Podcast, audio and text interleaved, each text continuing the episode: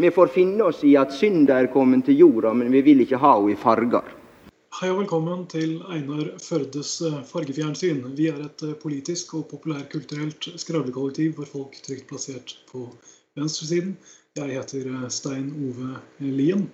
Jeg sitter på Skype med Tøger Fimreite og Pål Hafstad Thorsen av det vanlige panelet. Vi mangler Kari Bernadini, men vi har en gjest med oss i dag. Og det er lederen for det antirasistiske utvalget til eh, LO i Bergen og omegn, eller noe sånt noe. Eh, Aksel Fjell, velkommen skal du være, Aksel. Tusen takk for det. I dag, og Litt av grunnen til at også spesifikt Aksel er her, eh, er jo at vi skal snakke om eh, demonstrasjonene som organisasjonen Sian avholdt i Bergen sist helg, når vi spiller inn dette. Det utartet på måter som alle har kunnet lese om i alle landets medier, med en demonstrasjon, altså en ikke-koordinert eh, motdemonstrasjon som utartet eh, i eh, vold og eh, sterke reaksjoner fra politiet og eh, politiske reaksjoner i eh, etterkant. Og Det skal vi snakke om i dag. Av de av oss som sitter her i kveld, så er det kun du, Aksel, som var til stede på demonstrasjonen. Så jeg tenkte at du kanskje kan begynne med å fortelle litt om hvordan forløpet Eh, var for denne demonstrasjonen. For eh, når Sian eh, oppga at de kom til Bergen, slik de har en uvane for å gjøre en gang iblant, så ønsket bl.a. LO i Bergen å stå som arrangører av en motdemonstrasjon. Men sånn gikk det ikke helt. Kan du fortelle litt om det? Ja. Altså Sian, Stopp islamiseringen av Norge, har pleid å komme samme helgen hvert år de siste årene til Bergen. Eh, I år så kom de to uker senere. Eh, vel, vi, eh, i, vi har jo nylig stiftet dette utvalget i LO i Bergen og omland, det antirasistiske utvalget. Og vi følte veldig sterkt på at vi ville markere en motstand mot dette som, som skulle komme til Bergen. Og vi fant ut at vi ville ha en fanemarkering som inkluderte uh, litt bredere enn hva disse uh, demonstrasjonene har gjort tidligere. Da. Uh, og prøve å få det litt mer inn i det, inn i det etablerte, kan du si. Så vi, eh, vi satte i gang med å prøve å lage til en fanemarkering, og vi da søkte til kommunen om å få ha den fanemarkeringen. Eh, det fikk vi avslag på. Det var i og for seg ikke helt uventet for min del, for jeg har vært involvert i Eh, et lignende initiativ for to år siden, da vi prøvde å ha en type folkefest mot rasisme eh, på samme sted. Eh, og da fikk vi avslaget om at eh, nei, festplassen er allerede eh, opptatt. Og Det var jo det samme vi fikk nå. Så det var ingen overraskelse, det. Men jeg hadde kanskje trodd, i likhet med resten av utvalget, at vi, når vi nå gjorde et, et såpass Eh, etablert opplegg. Um, så at det vil man se verdien av, da. Så, det, så får vi vite at kommunen da, etter råd fra politiet, ga oss avslaget. Ja. Og så har det vært litt ulik uh, argumentasjon rundt det. der. Det har vært både dette med at Festplassen allerede er opptatt. Det er det vi fikk tilsendt. Men så har det vært litt annen argumentasjon ute og gått i media, og som vi har hørt på dialogmøter. Det handler om dette med sikkerhet og disse eh, skal vi si, politifaglige vurderingene som mm. kommer inn i bildet. Så vi fikk altså dette avslaget. Da var vi ganske godt i gang med en del av planleggingen. Um, og da vurderte vi det sånn at vi, vi, vi ble jo tilbudt å stå på Tårnplass, som var det som skjedde for to år siden. Um, og For to år siden når vi sto på Tårnplass der og hadde den lille marker den markeringen vår, som var forholdsvis godt besøkt og sånt, så, så uh, fikk vi ganske snart uh, eller jeg fikk ganske snart melding om at det skjedde ting på Festplassen, at det burde være der. Så jeg møtte opp der og, og uh, så mange kamerater som ytte motstand der, og fant ut at jeg måtte være solidarisk med de og bli med i denne i den motdemonstrasjonen der. Uh, og det, det, er det slo meg så mye mer effektivt enn dette som var på Tårnplass. For det, det var liksom litt bortgjemt og Jeg vil ikke si irrelevant, men det var på en måte ikke Det ga liksom ikke det resultatet man, man gjerne skulle ønsket seg. Um, og hva er resultatet man ønsker seg? Vel, vårt uh, siktemål med uh, det å ha en fanemarkering der og en motdemonstrasjon, er at vel, Sian kommer her for å etablere en viss type stemning. De, de, ønsker å normalisere et visst hat. Uh, og piske opp stemningen mot muslimer spesielt. Og vi ønsker da å med en motdemonstrasjon, med en motdemonstrasjon å snu den stemningen til noe annet. Så det er, på, det er altså uh, siktemålet med dette. Um, så vi fikk altså dette avslaget, og da um, var det en del ting som allerede, var forberedt. Vi hadde liksom en tanke om at vi burde ha noe vann og vi burde ha litt smittevernsutstyr smittevernutstyr og, litt sånn. Og, um, så, det, så, det, endte vi opp med at vi var litt ulike privatpersoner som gikk sammen og kjøpte inn noe av det, det som vi trengte, og, eh, for å sørge for at vi hadde et opplegg klart. da. Så, så det var eh, så noen av tankene var gjort allerede, og en del av forberedelsene ble gjort i siste liten. Ja. Mm. Så hadde vi altså um, sendt ut en sånn melding fra eller Bergen om at hvis enkeltmedlemmer uh, eller fagforeninger ønsker å stille, så gjør de det på eget initiativ. Uh, LO i Bergen og omland er ikke til stede som organisasjon. Vi er ikke der som Det er ingen arrangør. Sant? Så da var det et lite knippe fagforeninger som møtte opp. Eh, LO IT, Unionen, Fagforbundet Uh, sikkert noen jeg glemmer. Som sto der. Og så var, sto SV ved siden av, da. Og litt forskjellig. Ja. Så det var, kan du si, opptakten til det. Og så, så kom det jo Så et, etter hvert som det nærmet seg, nærmet seg oppstart for Sian sin markering, så kom det flere og flere mennesker til. Um, og det var uh, man, man hadde bjeller og man hadde litt, litt, forskjellige ting for å for, som sagt snu den stemningen. da. Det tror jeg de flere som kjenner på at man ønsker å, å, å være en type motgift. Den giften som Sian sprer. Mm. Ja. Og så uh, Var det sånn at politiet uh, konfiskerte eh, trommer og bjeller og sånne ting òg, eller? det var eh, en del ting eh, skal vi si, Musikkinstrumenter av ymse sort som ble konfiskert. Ja. Um, uten at jeg har helt oversikt over hvor mye som ble eh, konfiskert. Vi mistet noe utstyr, vi har kjøpt inn noe. og Det kan godt hende andre opplevde at deres ting ble konfiskert òg. Ja. Så satte eh, Sien i gang, da. Eller vi, det skal jeg jo si. vi hadde eh, blitt enige om at vi burde prøve å filme eh, hele dette her eh, opplegget for, for, å kunne dokumentere alt som eh, kom til å skje, og ta, ha forholdsvis proft eh, lydopptak. Sånn at vi kan dokumentere hva Sian gjør. og Hvis det kommer det hatytringer, eh, sørg, altså, legge press på at det blir straffeforfulgt i etterkant. Som var det politiet Eh, hadde forpliktet, forplikt, forpliktet, seg til å gjøre i år. Og Det var nytt av året. Det skjedde ikke i fjor, og det skjedde ikke året før. Og Det er på en måte positivt med det dialogmøtet vi hadde i forkant, at, at, de forpliktet seg til dette etter innspill fra byråden um, fra MDG. Um, ja. Så setter de alt, så Vi har altså um, i gang liksom, vi har litt sånn utstyr, vi har litt forskjellig, og så har vi noen, noen som filmer. og Prøver å få litt ulike vinkler. og og sånt. Um, så hadde vi uh, fått sendt inn masse, masse sånne antirasistiske armbånd fra Antirasistisk Senter, som vi delte ut. Folkehjelpen delte ut sine armbånd. Og um, jeg uh, var i ferd med å dele ut disse armbåndene mens um, Sian-leder Lars Thorsen snakket. Um, når jeg plutselig hører masse lyd. Og da var det, det, der som vi har sett, jeg var i gang. Mm.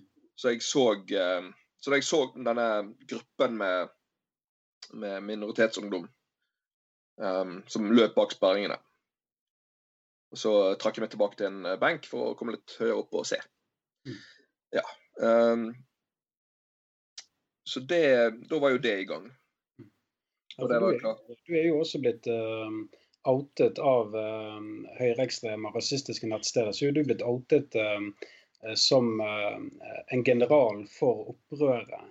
Uh, og det passer på en måte inn i et sånt narrativ som de skaper, sant? av at uh, det er venstresiden eller fagbevegelsen sammen med meg, minoritetsungdom som på en måte kjørte dette rett åt skogen. Da, på en måte. Og, og det kan jo du da avkrefte at uh, det var ikke noen regi på dette fra, fra deres side. Tvert imot så vil jeg her og nå eh, avsløre at dette var et plott mellom PST og Arbeiderpartiet. Eh, som eh, jeg har da blitt eh, Jeg har da et eh, sekssifret beløp i året for å for å eh, eh, legge til rette for disse tingene og angi eh, antirasister. Ja. Det er i hvert fall det siste jeg har hørt fra disse her eh, forskjellige eh, folkene på ytre høyre. De har nå de har nå hatt litt interesse for meg tidligere, og nå var det litt ekstra i år, da. Eh, Det hører med til historien at jeg var på vei til et bryllup eh, som skulle skje med en gang etter denne demonstrasjonen, så jeg, hadde, jeg var i finstasen min. Eh, det, var et, det var et medlem fra Arbeiderpartiet som skulle gifte seg, så jeg måtte jo bare stille. Så, så det har jo påvirket eh, enkelte av disse mer paranoide menneskene litt ekstra, ser det ut som. Ja. Ja. Det, Eh, det, nei, altså vi hadde, det var jo ingen arrangør på. Torgallmenningen, så det var ikke noe eh, koordinert opplegg. Vi, det eneste var at vi eh, snakket litt sammen. Ja, det er fint hvis det møter opp noen fagforeninger. Det er fint hvis det, det er litt folk der. Kommer du? Ja, kommer du? Sånn. Og så dukket det opp masse minoritetsungdom. Eller ungdom generelt. Unnskyld. Med Ja. Og det er klart at, um, at dette er jo, det er jo ungdom, først og fremst, som er i eh, Som er i geværsiktet til eh, høyreekstreme. Mm. Det er de som ofte blir angrepet fysisk av nazister. Det er de som eh, eh, Altså det er jo eksempler, altså Vi kjenner jo en sak med Arve BM Carlsen f.eks. Han var 17, tror jeg. Um, og Benjamin Hermansen, for den saks skyld. Og, og var for så vidt òg en 14-åring som ble knivstukket utenfor Blitz her var det i 2014, tror jeg. 13-14. Uh, så, så det er klart at det er ungdom som er de mest utsatte for den rasistiske volden. fordi at det er enklere for voksne menn å gå etter ungdommer enn det å gå etter andre voksne mennesker. Eh, Så det sier jo litt om hva slags eh, etos og eh, hva si, hva slags eh, Hvor gode mennesker det det egentlig er, kan du si. Ja. Um, men det er klart at Poenget mitt med dette her er at det er klart at disse mennes unge menneskene kjenner dette veldig sterkt på kroppen. De, altså vi, jeg har en teoretisk tilnærming til uh, dette med rasisme og fascisme. Altså, utover at jeg var i Oslo 22. juli den gangen og vet for uh, forskjellige ting, så har jo jeg en type sånn For meg er det et fenomen der ute. For det er en realitet som rammer dem. Um, og det er klart at når Sian står der og snakker om uh, deporteringer, og, eller repatriering som de kaller det, og det er jo kodeord for etnisk rensing det de, altså de snakker om å deportere hele, hele folkegrupper fra Norge og Europa. Og Det er definisjonen på etnisk rensing, så det må vi ikke glemme. Uh, men når de står og snakker om dette, her, så må vi huske på at den ungdommen som er der, de har garantert opplevd at noen av, av deres venner har blitt deportert på forholdsvis tynt grunnlag. Det har jo vært mange sånne saker de siste årene. Um, jeg husker f.eks. Taiman-saken, som var en som ble deportert i 14-15, tror jeg. Sendt til Irak. Ikke gamle karen. Um, og det òg var forholdsvis tynt grunnlag. Hvis man skal sende, for å sende folk altså han, var, han var blitt 18. Han var blitt 18. Men ja. Sant? Så de kjenner, de kjenner på dette som en realitet. Sant? og det har jo blitt avslørt at det er jo visse koblinger mellom Sian og Frp. Det har jo det vært en, eh, nyhetssaker på. Sant? Så har jo Frp sittet i regjering mens disse her um, deportasjoner har pågått. Og de pågår vel fortsatt, for den saks skyld. Men altså, det er jo Frp som har stått i bresjen for disse tingene, både i og utenfor regjering.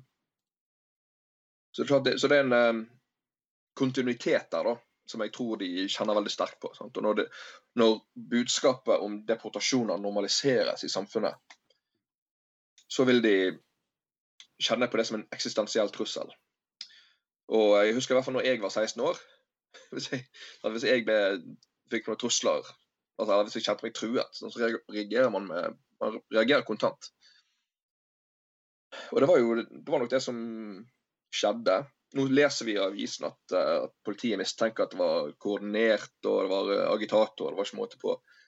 Jeg vet ikke, Det er fordi de dokumenterer, Men jeg ser ikke det som usannsynlig at her er det en eller to kids som har fått en idé og ledet an, og så kommer resten etter, når de ser to, to stykker løper. Mm. Så um, det er klart at Det er jo, det er jo noen, um, bl.a. han um, Kjell Gunnar Larsen, med bakgrunn fra Tjenfolket og SOS Rasisme, som han bl.a. er straffedømt for å ja, ha svindlet og jukset med penger. Han eh, var jo også observert på Festplassen og ble vel også ledet vekk av politiet. Jeg vet ikke helt hvorfor, hvorfor de gjorde det, og hvilken rolle han har hatt. da. Uh, men det er klart at uh, Og jeg, vi forstår det vel også sånn at det har vært nazistiske grupperinger som også har blandet seg inn blant motdemonstrantene for å egle opp stemningen. så noen har nok hatt en eller annen form for agenda da, på de forskjellige ytterkantene, kan, det virke som. Men om, om, på en måte det det som har fått det til å tippe over, det er jo ja, det, må, det, blir jo interessant å se om politiet eh, kommer med noe mer informasjon eh, om, om den delen. Det, ja. Eh, sånn som jeg forstår det med, med Kjell Gunnar Larsen eh, på lørdag, så eh, altså jeg observerte han eh, opp der, og så var det jo sånn at dette her så heter Veslemøy-aksjonen, mm. som da er basert på en, en dame fra Trondheim som har fått med seg en gjeng til å ha på seg disse gule T-skjortene der det står 'stå opp for nei, altså Størst av alt er ytringsfriheten'. Mm. det som står på disse T-skjortene. Og de ønsker da å slå ring rundt Sian.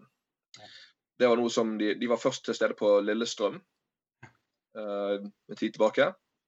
Det var vel i tiden uh, etter Mortensrud. Uh, det var, om det var uken etter, eller hva det var. De har jo hver lørdag, disse her uh, Sian-folkene. Nå skal de foran Stortinget nå neste lørdag. Vel, så de var sju-åtte stykker på Lillestrøm.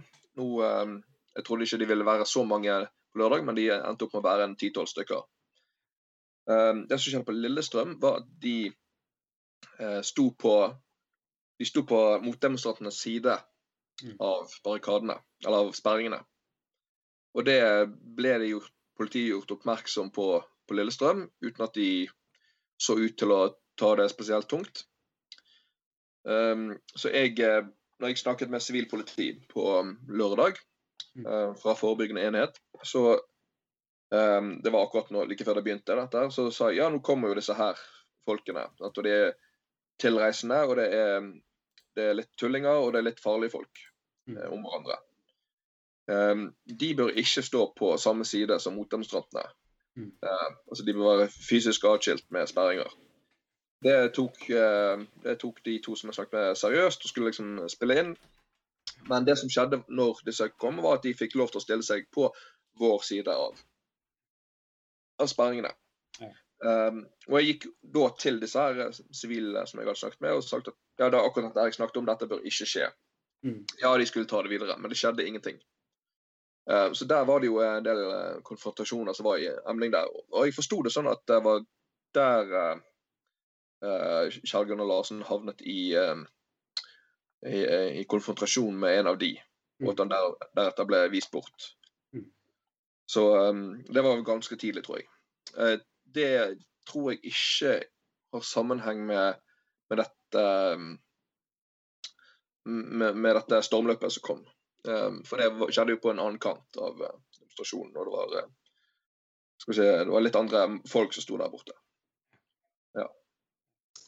Ja, for vi, vi, har jo lest i, i eh, BA i dag, i dag Bergensavisen, som da forteller at Totalt ble elleve personer arrestert etter hendelsene. og Det var tre 13-åringer, tre 14-åringer, tre 15-åringer. En 16-åring og en 17-åring. Og Det er jo bl.a. tre jenter på henholdsvis 13 og 14 år Uh, som uh, står frem og forteller sin historie, hvor de både ble, ble tåregasset og, og arrestert. Det er klart Dette er jo veldig, det er jo veldig unge mennesker. Uh, og um, Det vil jo være veldig interessant å høre hvordan politiet tenker å bygge tillit igjen til ungdomsmiljøene, men også komme i dialog med dem. fordi at dette tenker jeg kanskje bare toppen av eventuelt isfjellet Eh, med frustrasjon som kan finnes i, i enkelte ungdomsmiljøer. Og vi, eh, ja, Hvis vi skrur tid, tiden tilbake, det var vel i 2009 sant? at uh, det i en periode var mye opptøyer i Oslo fordi at en del Israel-sympatisører hadde fått lov å holde markering foran Stortinget. Og, og det ble gatekamper mellom ungdoms, ungdommer og, og politiet og flere dager i, i Oslos gater. Um, og Eh, jeg tenker jo det at hvis ikke man nå er på alerten med tanke på at Sian eh, cruiser rundt eh, i norske byer og holder markeringer, til stor provokasjon for innbyggere og, kanskje spesielt ungdomsmiljøer, så, så vil jo mye tyde på at her kan det komme flere trefninger fremover også. Da. det vel, gikk vel ganske hardt for seg på Furuset. Og, og sant, Det ender med at en taler blir, blir, slått ned i Bergen. Og, det i seg selv er jo på mange måter veldig spesielt. At en som uh, ytrer meningen sin, blir slått ned. Uh, det, er jo, uh, det er jo ikke bra. sett i et perspektiv hvor ytringsfrihet og demokrati er viktig for oss, så, så tenker jeg, og, forankret i Grunnloven, så er det jo virkelig ikke bra. Um, og så blir det jo interessant å se da hva man nå gjør. sånn Du nevner at Sien skal ha en ny markering eh, snarlig. Da blir det veldig interessant å se hvordan man eh, eh, vurderer å håndtere det i forkant. For det er vel eh, sånn sett ingen tvil om at det som skjedde i Bergen nå, kan lede til noe større ved neste markering. Um, og så tenker jeg, sant, Hvis du skrur tiden litt tilbake til den, sant, den, den, runden dere har hatt med politiet i forkant rundt en lovlig motdemonstrasjon som da ble flyttet til Tårnplass og sånt, så jeg husker fra den tiden jeg selv satt i byrådet i Bergen, sant? At, eh, at, det da ble varslet eh, på et tidspunkt eh, fra politiet at Sian vurderte markeringer i Bergen. Og det finnes vel nesten ikke en sjel i det politiske systemet i Bergen som ønsker de velkommen til Bergen for å ytre sine meninger. Ehm, men da var politiet den gang, og det er nok det samme som de på en måte er veldig tydelige på nå, at deres oppgave er på en måte å verne om Grunnlovens bestemmelser rundt ytringsfrihet. Sant? Um, så skulle jeg veldig gjerne sett at, uh, at uh, OK, hvis de først skal få lov å ytre seg i Bergen, så hadde det vært greit hvis vi hadde parkert det inn i et skap hvor ingen kunne høre det. eller gitt dem en, en, plass å stå hvor de ikke fikk lov å spre, spre hatet sitt. For de får jo faktisk lov å stå på holdt på å si for oss bergensere hellige Festplassen, som er et sted hvor vi har julemarked Eh, i desember, og hvor vi har eh, sommertilstelninger eh, for barn og unge. Og, og, er på en måte festplassen for bergenserne sammen med, med Torgallmenningen. Og vi gir på en måte ja, vi gir de et viktig, viktig byrom da, hvor de får lov å ytre seg. Um, og jeg tenker at uh, jeg håper til neste runde at uh, byråd, og kommune og politiet uh, i fellesskap eh, eh, tar en runde på om vi skal gi dem de aller beste taleplassene, eller om vi skal prøve å dytte dem inn i et kott hvor de kan få lov å stå i fred og, og spre møkken sin. For her er det jo folk som kommer fra, fra kjellerne sine krypende ut med ett formål, og det er å spre hat og, og tverre opp fellesskap. Da. Så Uh, nei, jeg må si det blir, det blir veldig interessant. Hva, hva tror du, uh, Stein Ove, med tanke på det vi har sett nå? Uh, hva tror du om uh, framtiden? Det er, det er, litt skummelt å tenke på de, det som nå eventuelt kan komme i Oslo. For det er klart, når det ender med vold, så har Sian fått det de er ute etter, det de ønsker seg aller, aller mest. Og da eh, vil de kunne bruke det inn mot, eh, inn mot eh, sine kanaler. Så må jeg si eh, at når jeg hører dette, så blir jeg også påminnet eh, og det er et gjentagende, gjentagende i denne podkasten at jeg til slutt ender opp med å snakke om Danmark, uansett hva vi, eh, hva vi eh, snakker om. Men dette minner meg sånn sett en hel del om de provokasjonene som Rasmus Paludan hadde i Danmark rundt påsken i fjor, som endte med store gate gateopptøyer også sørget for at populariteten til Rasmus Paludan og folks oppmerksomhet om Rasmus Paludan, som tidligere var en eh, eh, smal provokatør eh, og sånn spilloppmaker, eh, endte altså opp med å få et parti som ble oppstillingsberettiget til Folketinget og var svært nære på et tidspunkt ved å komme inn ved valget eh, den sommeren. Det er en sånn type parallell som jeg syns er veldig skummel å tenke på, fordi den var så drevet av Eh, narrativer og folkemeninger som ble dannet på veldig veldig eh, kort tid. Ofte på helt feilaktig grunnlag, selvfølgelig. Eh, men det er eh, en, skummel, eh, en, skummel, ting. Og jeg tror eh, ja, En del som har vært ute i etterkant og snakket om det motsatte perspektivet, at man skal forsøke å ikke møte dem med motemotivasjoner, men å tie dem i hjel. Det er et spørsmål som altså, det er mulig å se og ha forståelse for, eh, kanskje til og med støtte det synspunktet, men det er utrolig vanskelig eh, å, eh, å fordømme eller å liksom, pålegge folk som, eh, om det så liksom er politisk interesserte mennesker, eller vanlige mennesker, eller antirasister, eller folk som er direkte rammet av det, og eh, liksom eh, pålegge dem å ikke reagere når sånt skjer eh, ute i offentligheten ved en lovlig demonstrasjon. Og da snakker jeg altså om at Sian får eh, fremme sitt budskap. Det er utrolig vanskelig. Det er veldig naturlig for folk å ønske å reagere mot det, så lenge det skjer på en, på en ikke-voldelig måte. Det må, også, det må også politiet være, være klar over. Og det er litt av grunnen til at det er så synd at det ikke ble mulig å ha en eh, motdemonstrasjon med en arrangør. For da har man også muligheter for å få det inn i mer eh, ordnede eh, former. Flere eh, ansvarlige voksenpersoner og alt det her som har blitt nevnt eh, de siste par dagene. Jeg vet ikke helt hva som var spørsmålet ditt lenger, jeg vet ikke om jeg svarte på det, men eh, det er i hvert fall noe av det jeg tenker.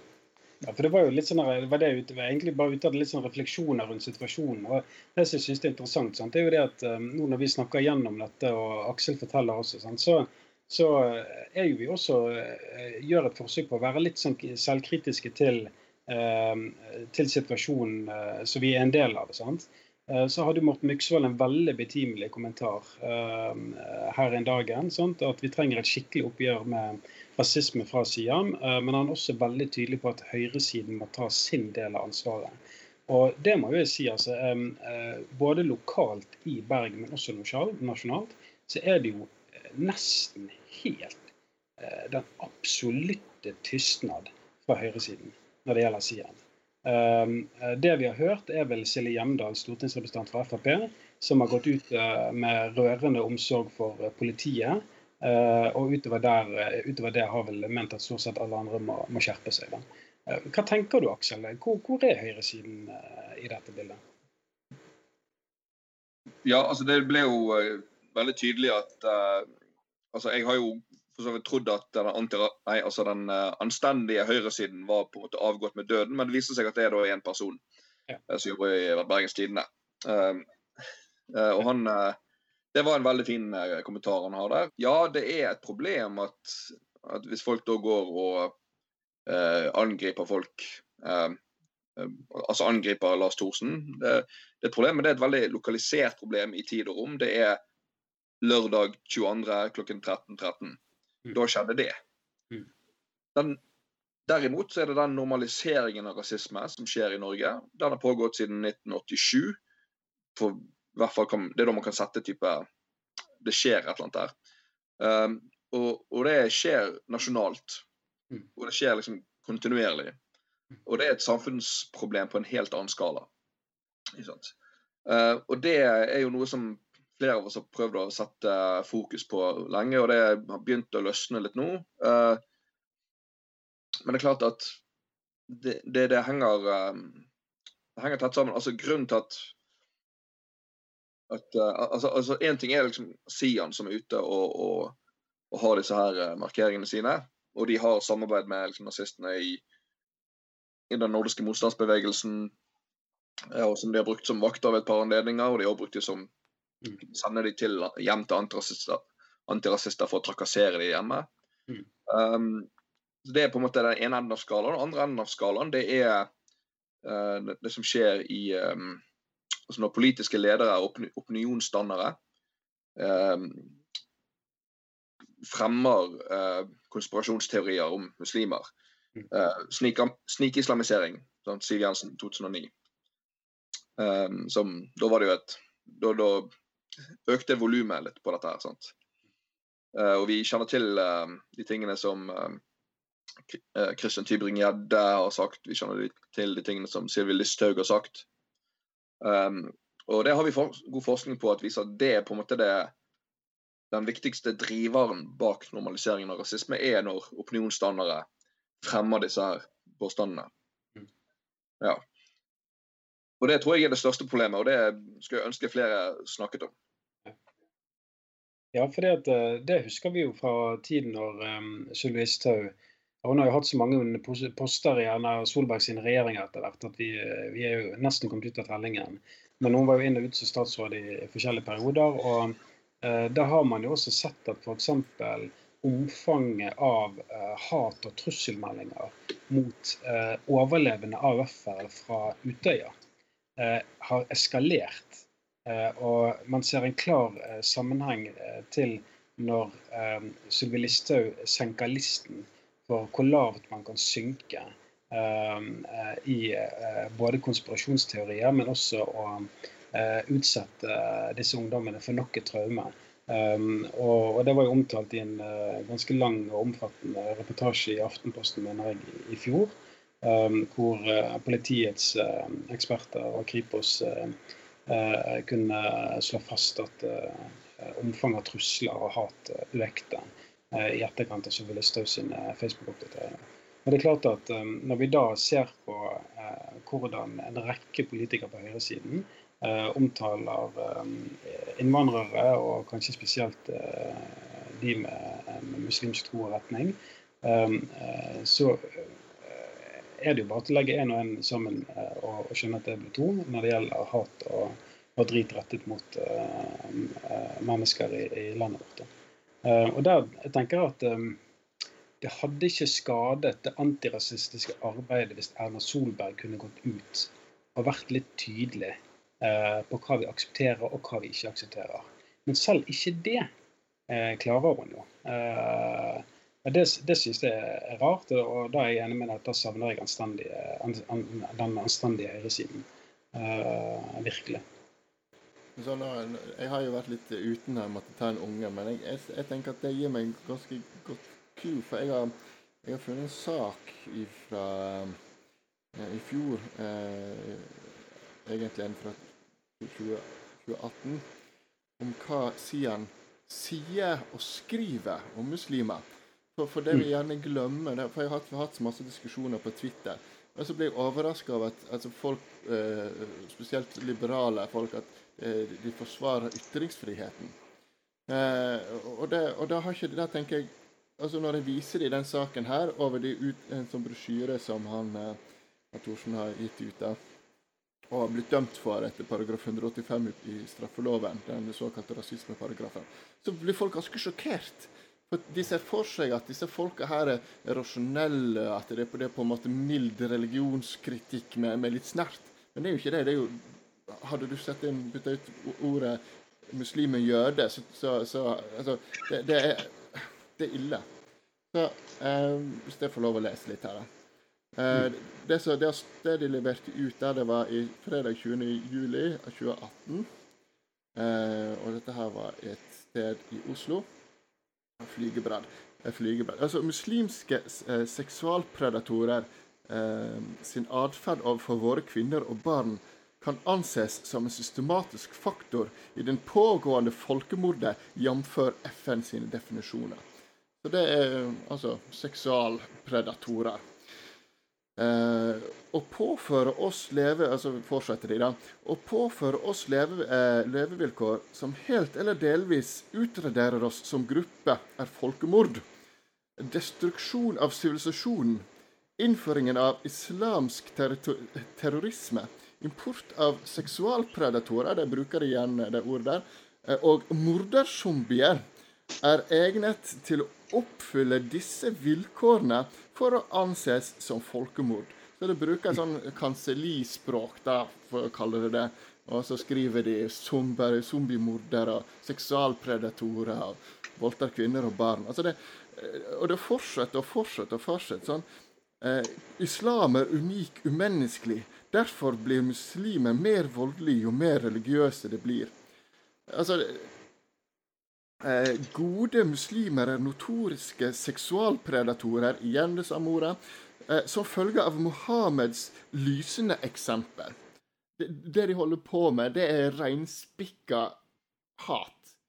Og, og, det er på en måte den Når folk tar de i, eh, i forsvar, så, så, tror ikke de helt forstår hva er det disse folka her driv, driver med, egentlig. Um, så, så, det var liksom det som var bare å understreke poenget. for det blir så veldig lett en sånn teoretisk øvelse at vi er for mot uh, det ene og det andre. Vi tar gjerne diskusjon om diskusjon, og kanskje diskusjon om diskusjon om diskusjon. om diskusjon. Men det her er det de ytrer, det er det de står for, og det er det som på en måte uh, fører til at, uh, at folk blir sinte på dem.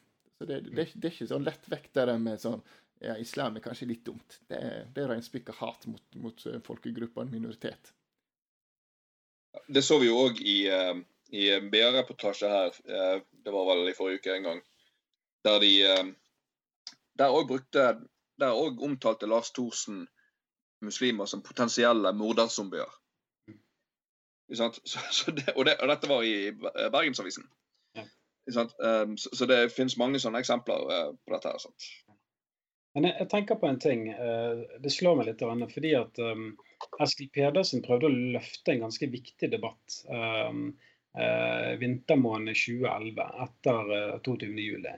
Um, der prøvde han å løfte en debatt om ytringsansvar. Uh, og det skapte, minnes jeg, et voldsomt raseri på høyresiden. Et voldsomt raseri. Uh, Heikki Holmås også uh, puttet Frp inn i det skapet de hører hjemme som høyrepopulister.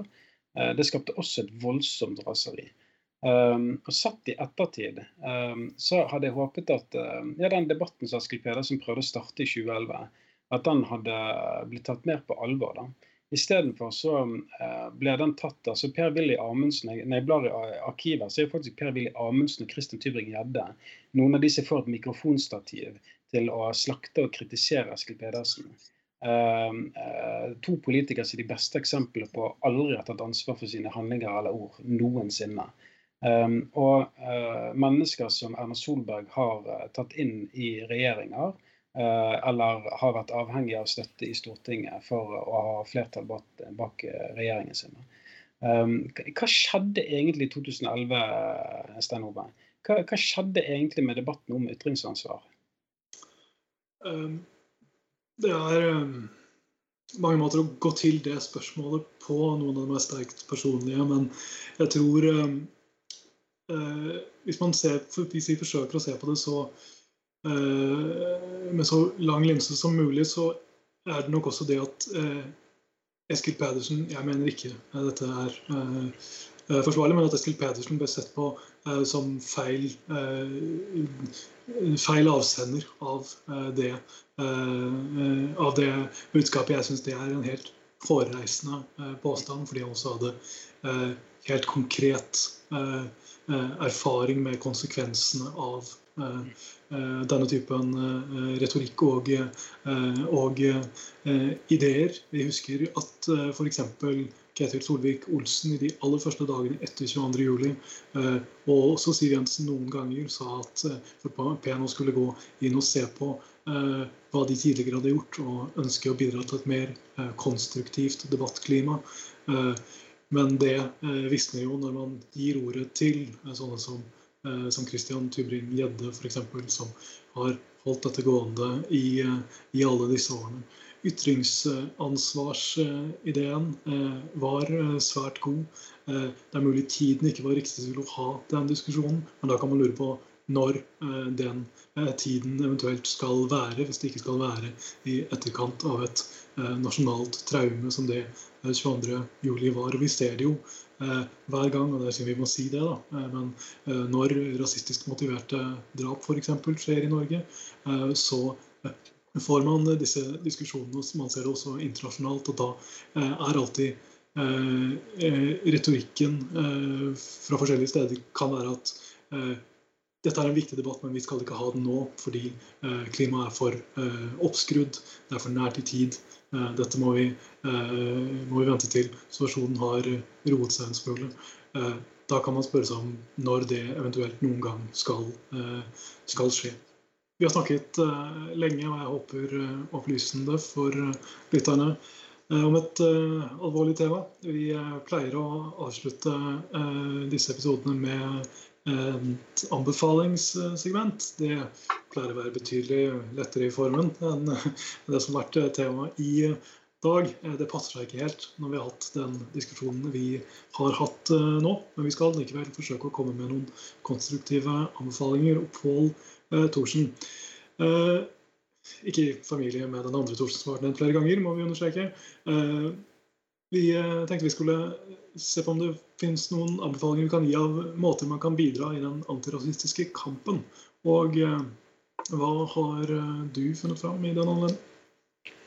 Nei, altså jeg, jeg, har jo tenkt så at jeg tror at mange av de som tiltrekkes rasistiske, fascistiske, nazistiske miljøer i utgangspunktet tiltrekkes disse miljøene fordi de kanskje lever i en eller annen form for ensomhet. Uh, eller føler at de er litt på kant med samfunnet. de finner kanskje ikke helt sin plass. Men de finner, de finner meningsfeller og, og, venner og fellesskap i disse høyreorienterte miljøene. Så jeg tenker jo det at Eh, kanskje en anbefaling fra meg det er å være flinke til at vi ser hverandre.